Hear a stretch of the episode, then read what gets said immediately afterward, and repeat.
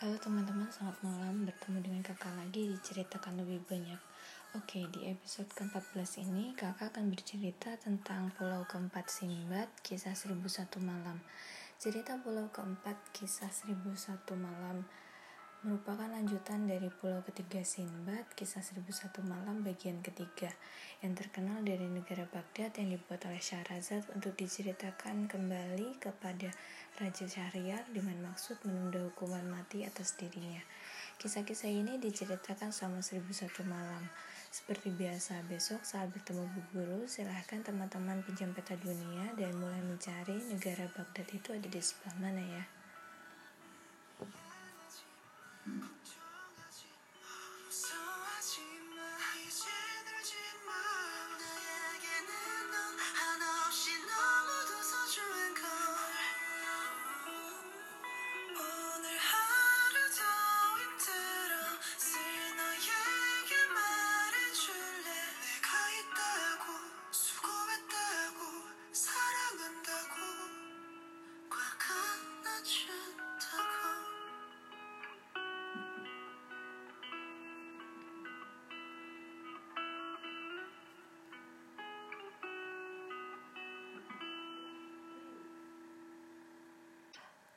Berikutnya, ada lagi pesta dan kegembiraan di rumah saudagar Sinbad.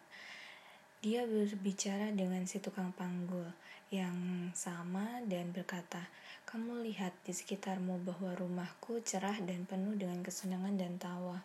Ketika Anda telah mendengar kisah perjalanan keempat saya, Anda akan tahu bahwa untuk mencapai keadaan bahagia ini, saya harus merangkak melalui tempat yang suram. Lebih baik saya mati daripada hidup.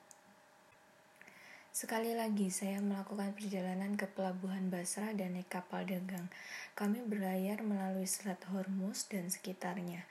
Seperti sebelumnya, kami berlayar dari satu tempat ke tempat lain dengan melakukan bisnis yang cepat dan menguntungkan.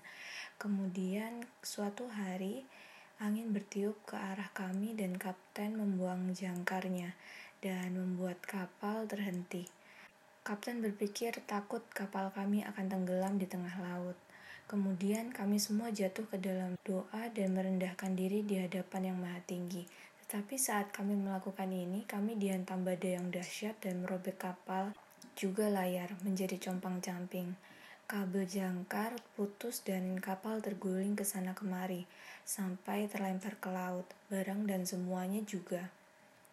Ombak menyapu sebagian dari kami ke darat, hampir mati karena kelelahan dan kurang tidur, kedinginan, lapar, haus, dan ketakutan. Maka kami berjalan mengelilingi pulau. Siapa tahu kami tiba di gerbang sebuah rumah yang bagus. Sejumlah pria keluar. Mereka tidak berbicara bahasa kami, tetapi mereka membungkuk dan menyapa kami dengan cara yang ramah dan sama sekali tidak mengancam. Kami percaya bahwa kami beruntung untuk kali ini.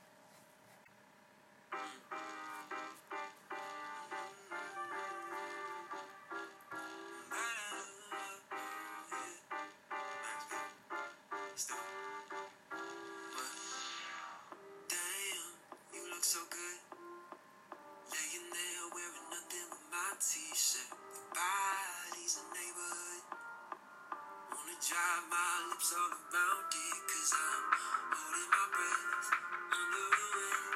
You're gonna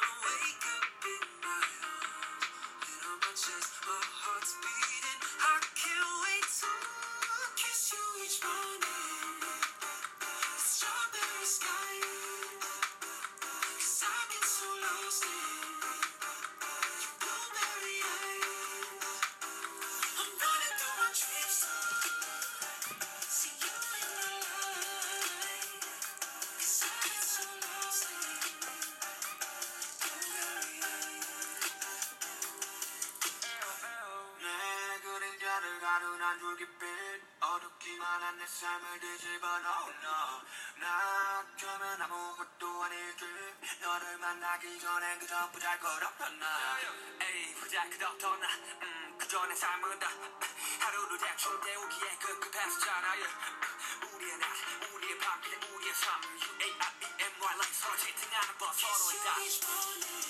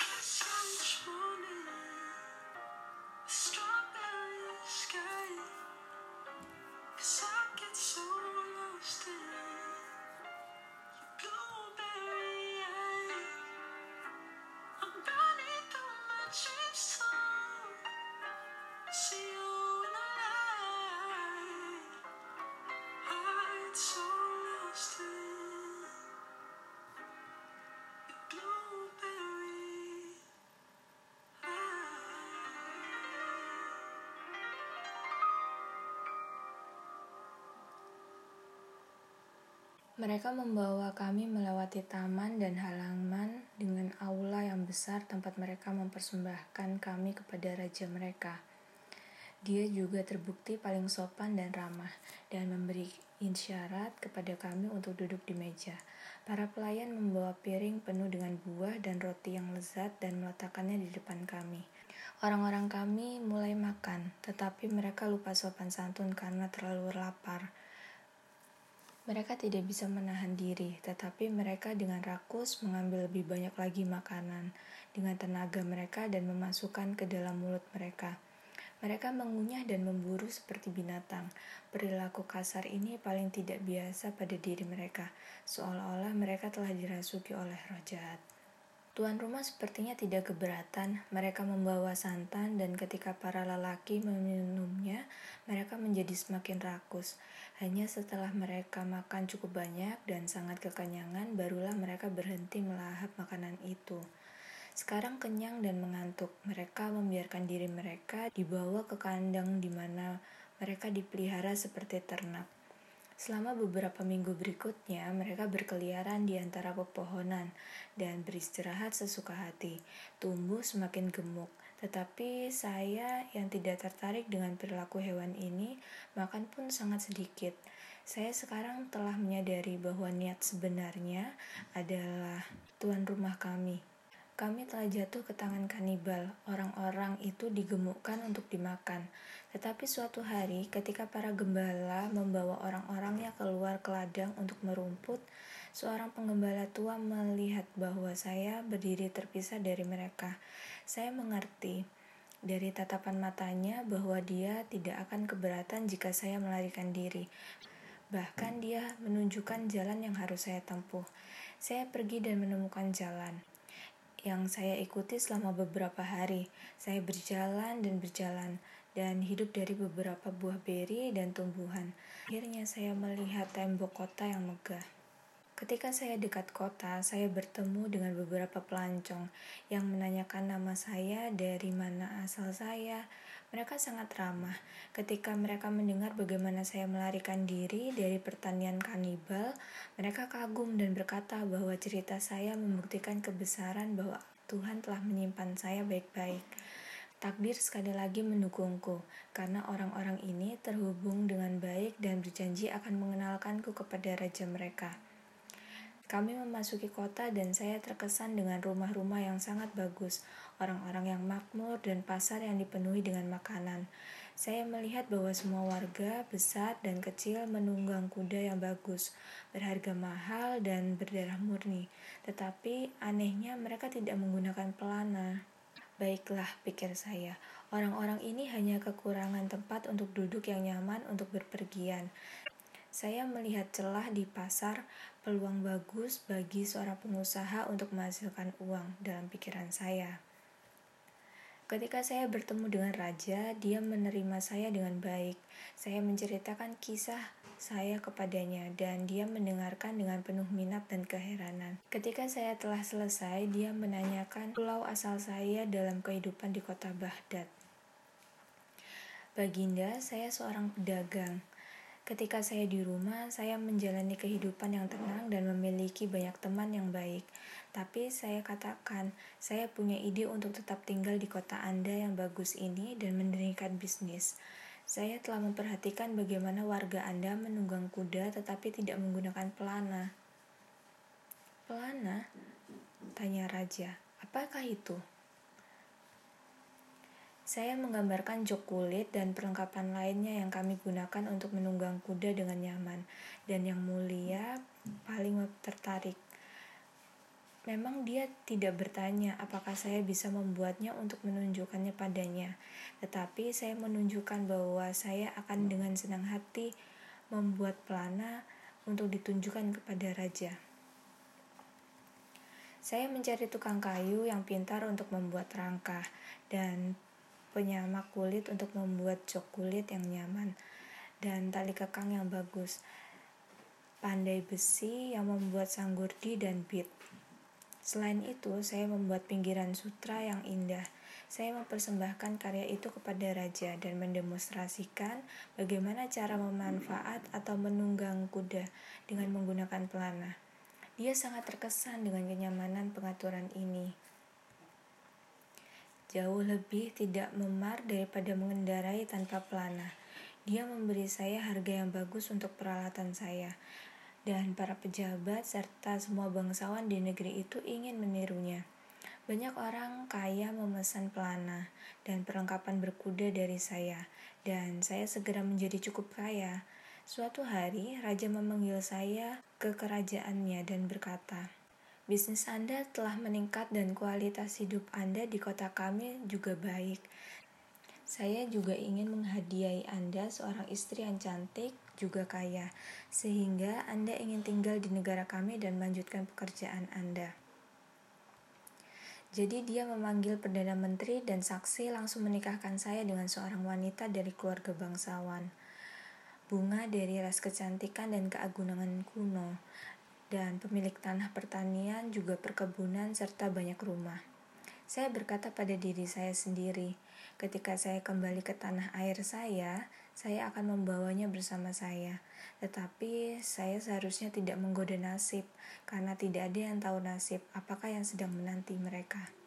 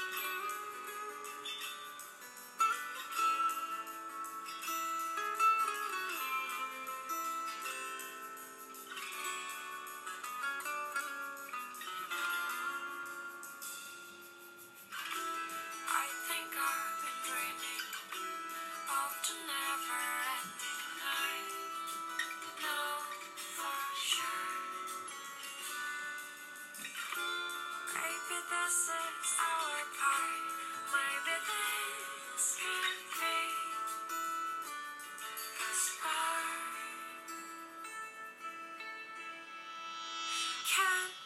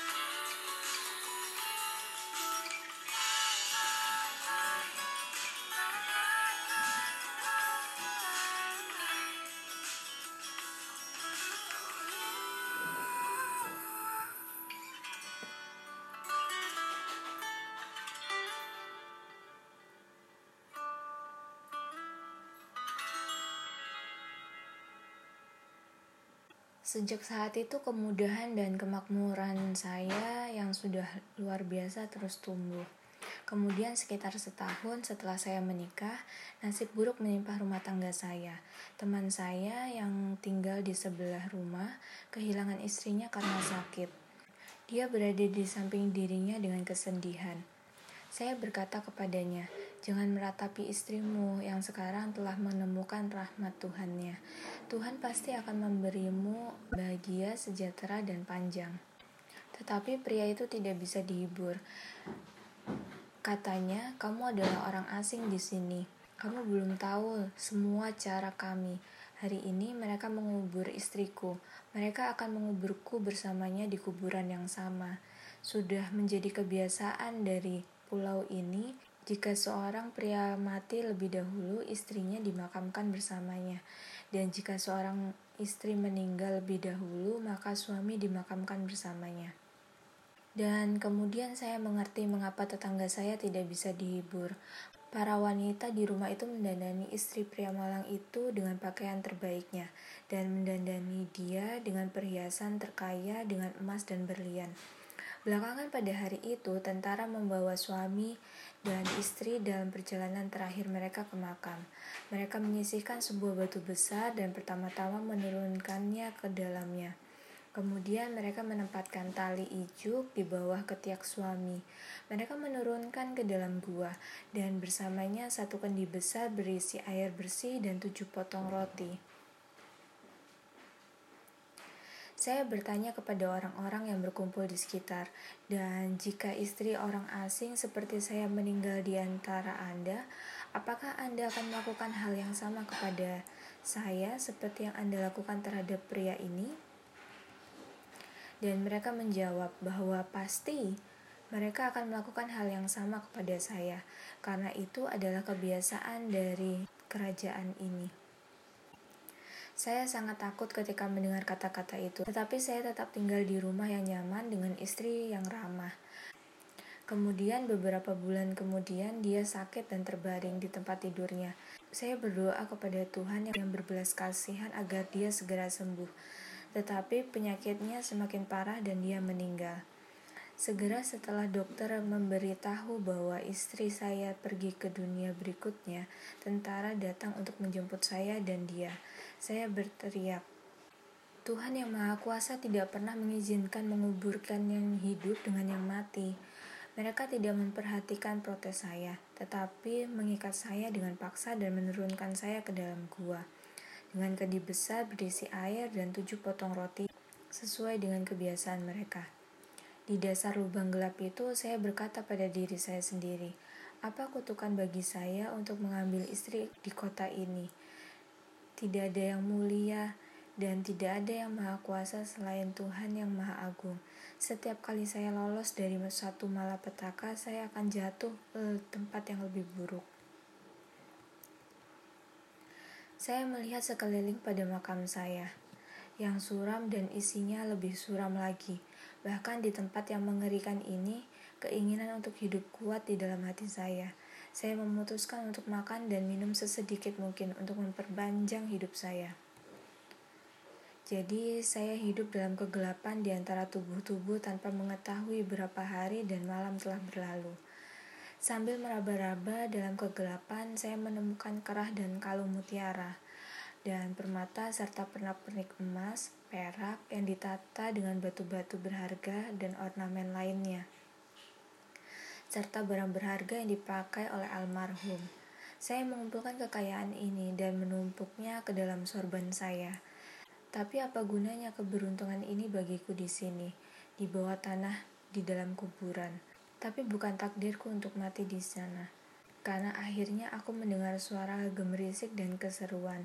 Saya menyadari bahwa beberapa hewan dan mungkin rubah atau anjing telah menemukan jalannya ke tempat yang suram ini. Pikirku, jika dia bisa masuk, pasti dia juga bisa keluar. Aku mengikuti suaranya merangkak dan menggeliat di perutku seperti cacing. Saya berjalan melalui terowongan, sampai akhirnya saya melihat secercah cahaya. Ini memberi saya kekuatan untuk merangkak lebih cepat lagi. Lubang itu cukup besar untuk dilewati oleh pria kurus sepertiku. Dan kemudian saya menemukan diri saya di tepi laut. Saya menghirup udara segar dan menutupi mata dari terik matahari. Saya secara bertahap membukanya, menyesuaikan dengan cahaya. Ketika saya bisa melihat sekali lagi, saya melihat sebuah kapal di laut. Saya mengambil selembar kain kafan putih yang saya bawa dan mengikatnya ke dalam sebuah tongkat. Berlari di sepanjang pantai, membuat sinyal dan memanggil orang-orang yang ada di kapal sana, sampai mereka memperhatikan saya dan mendengar teriakan saya mengirim perahu untuk menjemput saya. Kapten dan kru menerima saya dengan baik dan mendengarkan dengan kagum tentang kepulangan saya dari negeri orang mati. Saya berpergian bersama mereka ke Basrah melalui Pulau Bel, Kala, dan Hindi. Ketika saya sampai di rumah, saya sekali lagi menambah kekayaan saya berkat ornamen orang mati yang kaya dan saya bawa. Saya memberi dengan gratis kepada pengemis, janda, dan yatim piatu, dan masih memiliki banyak sisa untuk hidup nyaman. Kemudian saya menyerahkan diri pada kesenangan dan kenikmatan kembali ke dalam gaya hidup saya yang lama, tentunya. Seperti malam-malam sebelumnya, Sinbad si saudagar kaya memberi 100 koin emas, dan Sinbad si tukang panggul pulang ke rumahnya. Menurut teman-teman, apa yang terjadi dengan Sinbad di perjalanan kelimanya? Di episode berikutnya, kakak akan melanjutkannya dengan cerita Sinbad di pulau kelima.